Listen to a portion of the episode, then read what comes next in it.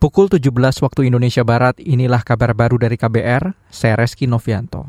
Kita ke berita pemilu. Kabar Pemilu, Kabar Pemilu. Advokat Todung Mulya Lubis dan Henry Yosodiningrat akan memimpin tim pemenangan nasional TPN Ganjar Mahfud yang berencana mengajukan sengketa hasil Pilpres 2024 ke Mahkamah Konstitusi. Itu diungkapkan Sekretaris TPN Hasto Kristianto dengan arahan para ketua umum partai dan juga dipimpin langsung oleh Pak Ganjar dan Prof Mahfud maka tim khusus ini leading sektornya itu adalah tim hukum yang di koordinasi Pak Todung Mulya Lubis dan Pak Henry Yoso. Hasto mengatakan tim khusus secara resmi dibentuk lewat rapat TPN Ganjar Mahfud pekan lalu. Secara resmi, tim tersebut diberi nama Tim Pembela Demokrasi dan Keadilan Ganjar Mahfud. Hasto menyebut saat ini tim khusus masih mengawal proses rekapitulasi suara di KPU.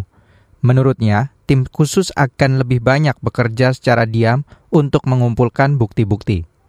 Kita ke soal lain. Menteri Komunikasi dan Informatika Budi Aristiadi meminta perusahaan-perusahaan pers tetap berinovasi dalam menghasilkan karya jurnalistik setelah peraturan tentang publisher right atau hak-hak penerbit disahkan. Mengutip Antara, Menkominfo menyebut pentingnya pemberlakuan peraturan tentang hak-hak penerbit untuk memastikan perusahaan-perusahaan pers di Indonesia bisa eksis dengan konten-konten berkualitas dan bisnis berkelanjutan. Budi Ari mengatakan peraturan presiden tentang hak-hak penerbit rencananya disahkan besok. Kata dia, Perpres Publisher Right merupakan kebijakan afirmatif yang disiapkan pemerintah bagi industri. Menkominfo meminta pengelola perusahaan pers atau media massa mempersiapkan diri dengan baik selama masa transisi menuju pemberlakuan penuh peraturan tentang hak-hak penerbit.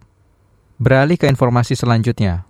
Menteri Pertahanan Prabowo Subianto menyebut rumah sakit TNI dengan fasilitas lengkap dan modern harus bermanfaat bagi seluruh prajurit beserta keluarganya. Selain itu, RSTNI juga bisa melayani masyarakat umum. Itu disampaikan Prabowo usai peresmian puluhan rumah sakit TNI yang dipusatkan di Rumah Sakit Panglima Besar Sudirman Bintaro, Jakarta hari ini.